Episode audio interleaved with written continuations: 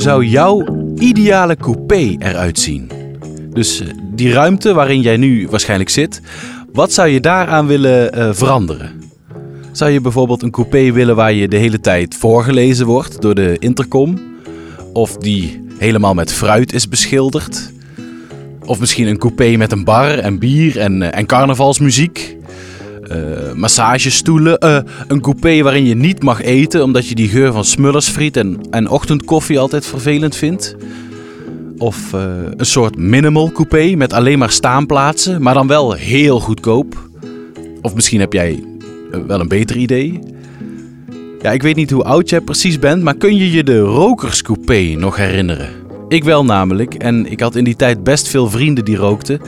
En uh, dus ging ik altijd maar met ze mee uh, daar zitten, omdat ik het anders zo ongezellig vond. Nou, dus zat ik daar als, als een niet-roker in de, in de stinkende walm. Echt zo smerig. Kan je je nou bijna niet meer voorstellen, toch? Dat uh, dat, dat bestond. Dames en heren, welkom bij Luisterruit. De NS-podcast voor in de trein. Met mooie verhalen over één thema maken wij van jouw ritje in de trein een reis. Ja, mijn naam is Thijs en dit is een speciale aflevering over design. Op de Dutch Design Week in Eindhoven wordt namelijk door NS de reis van morgen gepresenteerd. Oftewel, uh, hoe de trein van de toekomst er wellicht uit komt te zien. En misschien ben je nu wel onderweg naar die Dutch Design Week. Of je komt er net vandaan. Of je luistert deze aflevering uh, maanden later terwijl je zit te gourmetten. Ook geen enkel probleem. Maar we gaan het dus hebben over de trein van de toekomst. Wat staat ons te wachten? Maar eerst een reclame. Hey! Ken jij de transfer table al? Het is helemaal crazy! Verander je treintafeltje in een voetbalveld of een pingpongtafel. Wow! Zet die crazy bril op en alles is totally anders. Speel de beste games met je overbuurman gewoon met je tafeltje. Bazoom! Transfer Table is een product van de NS. Transfer Table. Life is fake. Oké, okay, de Transfer Table. Um, vroeger in de trein wilden we ja, lekker paffen. En nu willen we snelle wifi en een stopcontact. Bij NS wordt altijd fanatiek nagedacht over de toekomst van de trein. Ik ben Joost van der Made. Ik ben hoofdconceptontwikkeling bij uh, de Nederlandse Spoorwegen. En uh, ik ben verantwoordelijk voor innovatie voor een betere beleving van de reiziger. Je kan zeggen dat de trein eigenlijk een, een optelsom is geworden van bijna 80 jaar conventie. Je komt allereerst binnen op het balkon. Dat is eigenlijk al een conventie. Vroeger hingen die balkonnetjes echt achter een treinstel en stond je buiten. Dat ken je nog wel van de westerns, denk ik. En van daaruit ga je dan uh, de, de treinstellen in. En dan heb je de verschillende compartimenten. En dan heb je vooral heel veel stoelen die op een rij staan. Netjes met z'n tweeën naast elkaar. Of ze staan tegenover elkaar, dat noemen we dan vis-à-vis. Dus dan heb je een plekje voor vier mensen. Of uh, ze staan achter elkaar. Dan zit je naar elkaars rugleuning te kijken en dat noemen we dan coach. Ja, zo is de trein ingericht. Dat is eigenlijk over de hele wereld zo. Dat zijn de, dat zijn de conventies.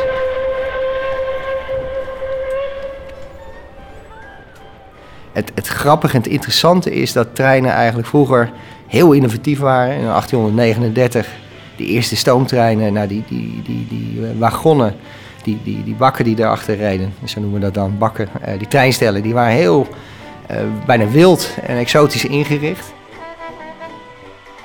Je had een leessalon en dit, er reed wel eens een kapper mee. dus mensen konden daar echt allerlei verschillende activiteiten doen. Maar zeker tussen de Eerste en de Tweede Wereldoorlog in zijn we heel erg conventioneel geworden. Een beetje saai bijna. Prullenbakje is, is wel iets veranderd, omdat we tegenwoordig gelukkig afval scheiden. En uh, die tafeltjes, ja, die worden ook steeds kleiner, omdat uh, mensen zich dan wel zorgen maken over als er een ongeluk gebeurt. En dan kan die reiziger op dat, uh, tegen dat tafeltje aanvallen. En nu hoor je wel eens mensen klagen van ja, ik kan er, ik kan er geen iPad of, of laptop opzetten. Ik kan hem er niet voorzetten, want dan zit hij weer in de weg. Dus waarvoor zit het tafeltje nog? Nee, die, die conventies zijn zeker niet helemaal onlogisch. Door te standaardiseren kon het goedkoper worden, makkelijker onderhouden worden, uh, beter schoon te maken, nou, noem maar op. Dus daar zat echt wel een goede, een, um, een slim idee achter. Alleen waar je nu ziet dat kantoren bijvoorbeeld heel erg uh, aan het veranderen zijn. Daar, daar, hebben we niet meer allemaal een standaard bureau, een standaard kamertje um, en met een standaard stoel En dat is heel veelzijdig geworden. Ehm, daar zijn wij nog niet mee in meegegaan in, eh, in de trein. We zijn nu aan het kijken van we willen enerzijds meer mensen in die trein een plek kunnen bieden. Ehm, en anderzijds willen ook dat mensen een betere beleving in die trein krijgen. Dat ze echt denken van hé, hey, die, trein, die treintijd die is gewoon voor mij, want ik kan precies doen wat ik wil. Die trein van de toekomst, dat interieur van die toekomst, dat hebben we niet uh, zelf willen doen. Uh, gevaar is altijd dat je denkt dat je het allemaal heel goed begrijpt en dan achter gesloten deuren iets heel geniaals gaat verzinnen en dan blijkt het in de werkelijkheid toch anders te zijn. NS besloot dus op zoek te gaan naar mensen die anders denken. Naar mensen die eens helemaal fris naar de trein en, en naar ons, de reizigers, kunnen kijken. Ze vroegen de meubelmakers van Gispen en Francine Hoebe van architectenbureau Meccano een plan te maken. Eliane maakte samen met Hoebe alvast een ritje in wat wel eens de trein van de toekomst zou kunnen worden. Nou ja, in gedachten dan.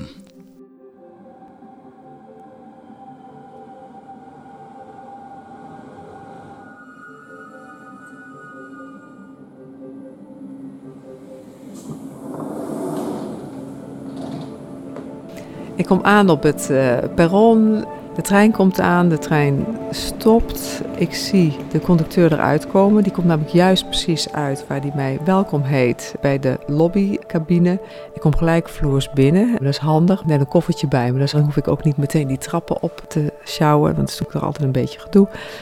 Dan is er eigenlijk een hele ruime coupé waar ook veel mensen kunnen staan. Die kunnen leunen tegen een soort zachte objecten die uh, langs de ramen zitten. Dat is aan de ene kant van de coupé. En aan de andere kant van de coupé zitten stoelen die eigenlijk anders zijn dan ze nu zijn. Dus zelfs op de kopse kant kan je zitten. Je kan meer samen zitten. Welke kleuren zie je? Van buiten is de trein nog uh, dat hele mooie blauw en geel van de NS. Van binnen is dat meer een uh, verzachting daarvan. Er zit er meer wit door die kleuren heen.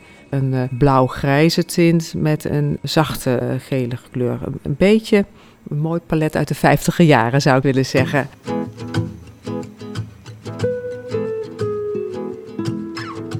Waarom zou elke bak, heet dat, elke treinstel hetzelfde moeten zijn?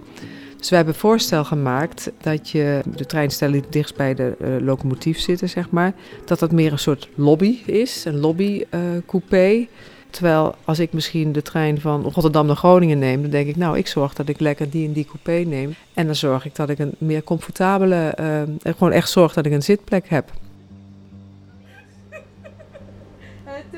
Ik ben een tiener met een grote rugzak. En uh, ik wil graag uh, vooral appen en dan misschien ook even bellen met een vriendin. Waar moet ik heen? Uh, dan zou ik ook nog even nadenken hoe lang je in de trein gaat zitten. Half uur. Half uur. Nou, we hebben eigenlijk voor tieners een hele grappige gemaakt. nog een soort tribune. Dat je eigenlijk als het heel druk is ook op een soort tribune kan zitten. Een tribune? Waar kijk je dan op uit? in onze tribune kijk je gewoon uit richting nou, het gangpad. En daarmee via de ramen weer naar buiten. Een beetje zoals mensen nu op de trap zitten. Ja, dus nu, er wordt nu al veel op de trap gezeten als het druk is. Maar dit ontwerpen we er specifiek voor. En dan kan je ook als het uh, druk is juist wel of niet je koffer erop zetten. Of je rugzak of niet. Of met elkaar dicht bij elkaar kruipen. Of nou niet op schoot, maar ga je dichter op elkaar zitten. Dus ja, die flexibiliteit zit er ook in. En ik ben een, um, een moeder met een kinderwagen. En uh, nog een tweejarige die overal heen wil rennen. Als je erg een grote kinderwagen hebt, dan zou ik zeggen: blijf lekker in die lobbycoupé. Daar zitten wel degelijk ook stoelen. En daar zitten zowel gewone stoelen, maar als ook de stitsnoer, dat, de, de zitstaastoelen. Wat wij heel erg wilden is dat het verplaatsen van meer mensen, dat het niet eerder minder comfort zou geven, maar meer comfort. Kijk hoe de coupés nu zijn. Je zit of je staat. Maar wij hebben veel meer een diversiteit van zitplekken gemaakt van nou ja, gewoon zitten op nou, 45 centimeter hoogte, hè, waar je, dus de hoogte van de stoel. Of bijvoorbeeld zoals ik nu zit, meer op een barclub hoogte. Of dat je ergens tegenaan kan leunen. Of dat je inderdaad ergens staat. Dus ga ook meer omdat er niet één type mens is in Nederland. Ik ben zelf iemand die veel reist. En, uh, en ik observeer, maar ook fotografeer. Eigenlijk ook al heel lang hoe er bijvoorbeeld in andere landen gereisd wordt. Maar het is eigenlijk vaak heel ouderwets nog. Dus ook als je naar de treincoupés in Nederland kijkt, is het bijna alsof men denkt dat je nog met een vader en een moeder en twee kinderen reist. Het is heel erg op soort zitjes van vier of met elkaar zitten. Terwijl het merendeel van de reizigers is iemand in zijn eentje. En die wil ook een beetje zijn eigen domein hebben. Uh, dus wij hebben ook in die nieuwe coupés veel meer eenpersoonsplekken gemaakt. Een beetje dat je ook in je eigen comfortzone zit. Uh, wel natuurlijk bij elkaar zit, uh, maar daar ook veel speels mee omgegaan. Ja, sommige gesprekken zijn ook vertrouwelijk. Uh, dat is al een reden om niet met de trein te gaan. Nou, dus we hebben eigenlijk ook weer een soort telefooncel. We hebben tegelijkertijd een samenleving die aan het vereenzamen is. Dus het leuke is toch hè, dat wij ook in die trein ook zones hebben gemaakt die bijvoorbeeld meer sociaal zijn. Wil je juist wel of niet met iemand praten, of al is het een onbekende. Uh, en een van de leukste plekken vind ik misschien wel, we hebben ook uh, de Room with a View. Hè, dus dat je echt, ik heb een fantastisch uitzicht vanuit de trein uit Nederland, of bij heel veel treinen trouwens. Dat er ook stoelen zijn, of eigenlijk meer bartafels, waar je dus half zit, half staat en naar buiten kijkt. Als jij dit zo hoort, zijn er dan meteen ideeën waarvan je denkt: Oh, dat is echt mijn plek? Uh, het lijkt me echt ideaal om in zo'n belhokje te zitten of op die tribune. Hey, treinreiziger. Word jij ook soms zo moe van dat platte Hollandse landschap? Verlang je naar de bergen, dichte jungle of eindeloze tundra? Gebruik dan nu ons nieuwe DigiWindow. En geniet tijdens je reis door Nederland van je droomvakantie.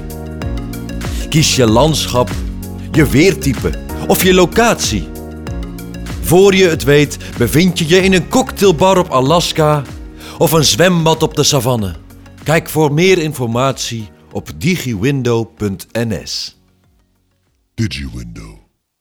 Life is fake. De toekomst. Het grote ongewisse. Altijd leuk om over na te denken en, en te fantaseren. Dat doen mensen natuurlijk al sinds. Ja, sinds we ons überhaupt een voorstelling konden maken van wat er eventueel gaat komen. En dat maakt ons mens, die eigenschap, de verbeelding, het, uh, het voorstellingsvermogen. Er zijn honderden films en boeken gemaakt over hoe de wereld er later uit zal zien. En ik vind het altijd heel grappig om te kijken naar films uit de jaren 70 of 80, waarin ze dan proberen om zich voor te stellen hoe het er in 2018 uitziet. Soms klopt het best goed, soms zitten ze er flink naast en soms brachten die science fiction schrijvers echte wetenschappers op ideeën. George van Hal is wetenschapsjournalist en science fiction filmliefhebber. Hij schreef het boek Robots, Aliens en Popcorn. Wetenschap op het witte doek. Ik vind science fiction zelf een ontzettend mooi genre. Waarin um, ideeën heel erg de hoofdrol spelen. En hetzelfde geldt eigenlijk voor wetenschap. Als je kijkt naar grote wetenschappelijke ontwikkelingen, dan, dan zit er bijna altijd een groot idee achter. Je moet vooral toch een beetje blijven dromen. Dat is ook wat je, wat je ziet in, in science fiction films. Als je niet laat remmen door beperkingen van het nu, en uh, eens lekker gaat nadenken over hoe de toekomst eruit zou kunnen zien, ja, dan kom je op interessante ideeën die vaak ook weer wetenschappers inspireren. Hè? Want wetenschappers zijn natuurlijk ook mensen die science fiction films bekijken. En soms zelfs vanuit die interesse in de wetenschap terechtkomen en dan denken, nou potverdorie wat ik daar gezien heb, ik ga ervoor zorgen dat dat uh, uiteindelijk ook echt ontstaat en dat dat gemaakt wordt. Een van de eerste voorbeelden gaat over uh, reizen naar de maan. In boeken van Jules Verne gebeurt dat, maar ook in een van de eerste science fiction films, Le Voyage dans la Lune. Daarin worden dan astronauten in een soort kogel gestopt in een kanon en uh, naar de maan geschoten. Daar komt ook dat bekende plaatje vandaan van een uh, maan die een kogel in zijn oog heeft.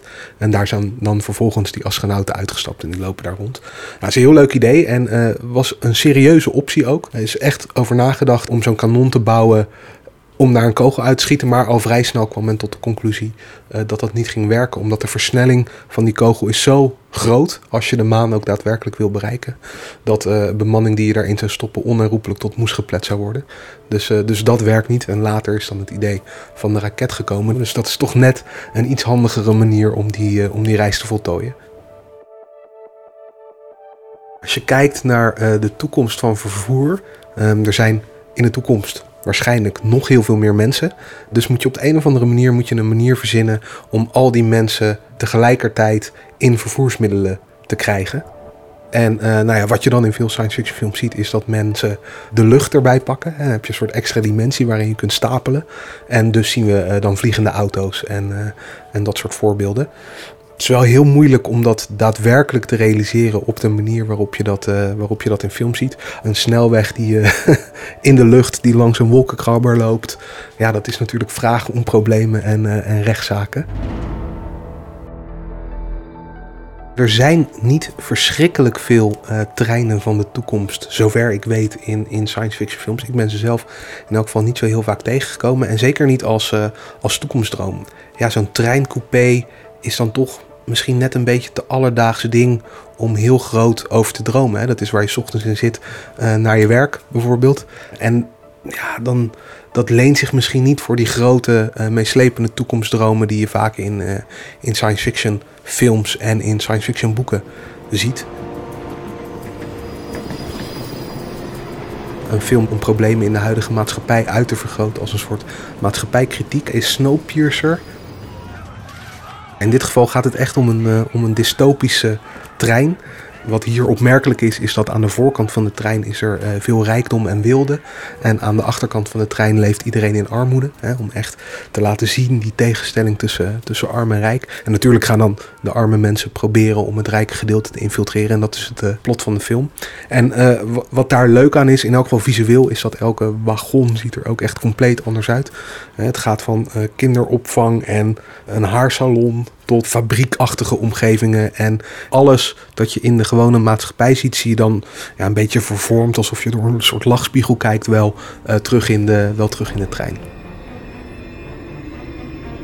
De film speelt zich af in een soort eh, post-apocalyptische wereld nadat er een gigantische klimaatramp heeft plaatsgevonden. En het geinige van die eh, trein in Snowpiercer is ook dat hij in theorie soort van eeuwig kan blijven rondrijden. Dus alleen aan boord van die trein zijn mensen nog veilig. Ze rijden dan door een, eh, door een soort landschap van ijs, waarin het inmiddels niet zo goed toeven meer is. En eh, de mensen aan boord die blijven dan warm en eh, veilig, omdat dat hele ding zichzelf in stand houdt. Het kost om de een of andere reden bijzonder weinig energie om die trein te laten rijden. Alleen dat leggen ze uiteraard verder niet precies uit hoe dat, eh, hoe dat werkt. De robotconducteur, ja. Het is misschien een kwestie van tijd, zou je, zou je wellicht kunnen denken. Ehm, tegelijkertijd denk ik dat het toch ook wel voor veel mensen heel prettig is dat er gewoon een mens rondloopt op de trein. Ehm, dus voorlopig zou ik als ik conducteur was me nog geen zorgen maken dat de robotconducteur mijn, eh, mijn baan komt inpikken.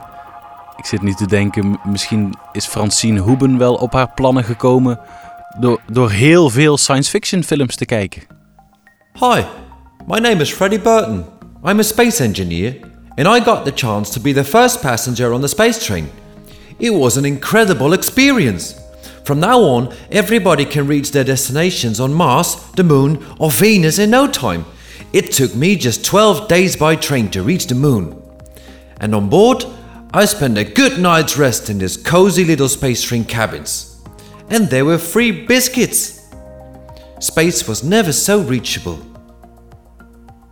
Space Train is offered to you by Okinomata Rail Japan. Konja! Onnokimada! Eh, eh, ja. Waar ik eigenlijk nog nooit echt bij stil had gestaan. Al die architecten, die bedrijven en ontwerpers. proberen als het ware in mijn hoofd te kruipen. En, en mijn gedrag te beïnvloeden. Luister naar Nicky.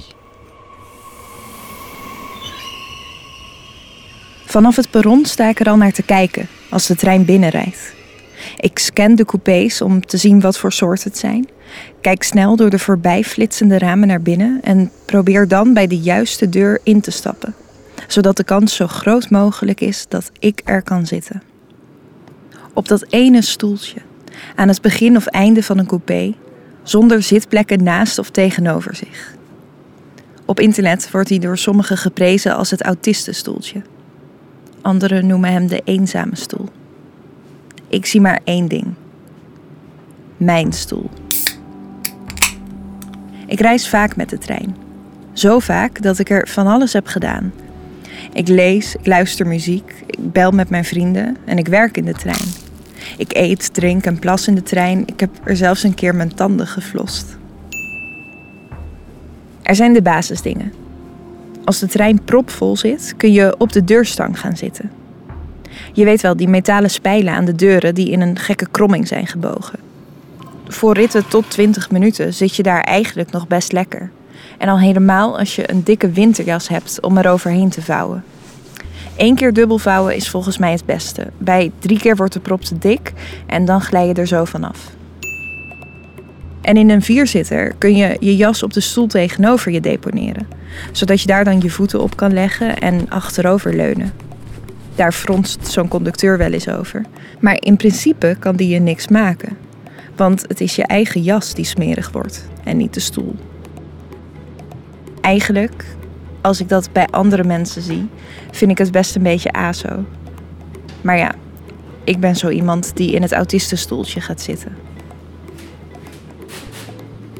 Dat is het lastige aan een coupé. Je kan wel denken dat het je huiskamer is, maar als alle andere mensen dat ook denken, dan blijkt ineens dat jullie heel andere ideeën hebben over wat wenselijk is in je huiskamer. Dan gaat iemand voor je met nagellak remover in de weer.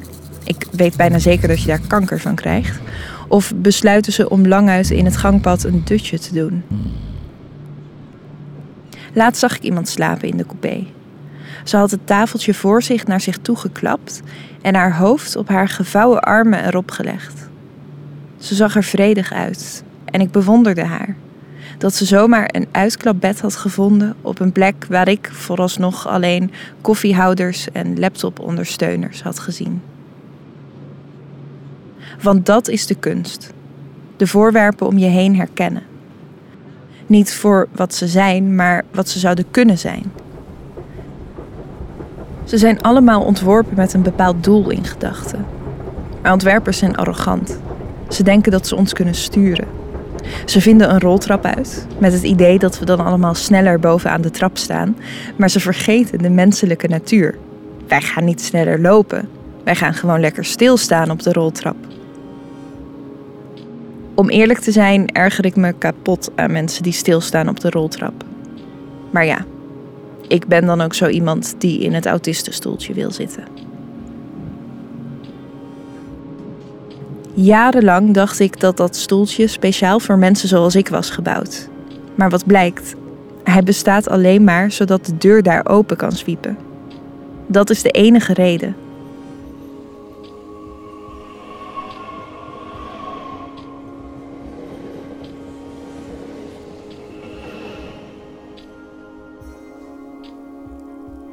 Nou, ik krijg al bijna nostalgische gevoelens over de coupé van nu. Die leuke vierzitjes, die gekke patroontjes en kleuren, die ongewenste gesprekjes, de veel te zwaar bepakte railcatering. Ik begin bijna terug te verlangen naar die, die stinkende rokerscoupé. Maar toch heb ik vooral heel veel zin om op die tribune in de trein te zitten. En dan gezamenlijk naar buiten te kijken, alsof het een film is. Popcorn erbij.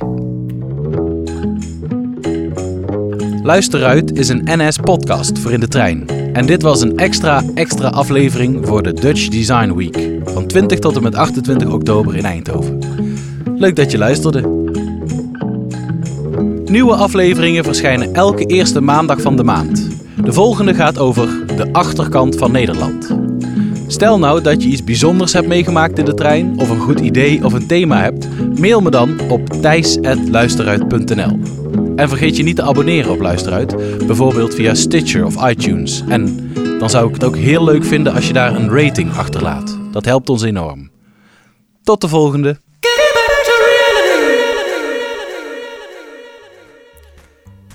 Reis met de nieuwe locomotieven van de NS. We gaan terug naar de bron. Reizen duurde nog nooit zo lang. Zie hoe traag de velden aan je voorbij kruipen. De wagon kraakt, de banken piepen en laaf jezelf aan de lucht van kolen. Soms ligt de toekomst ver achter je. Het nieuwe rijden is lang rijden.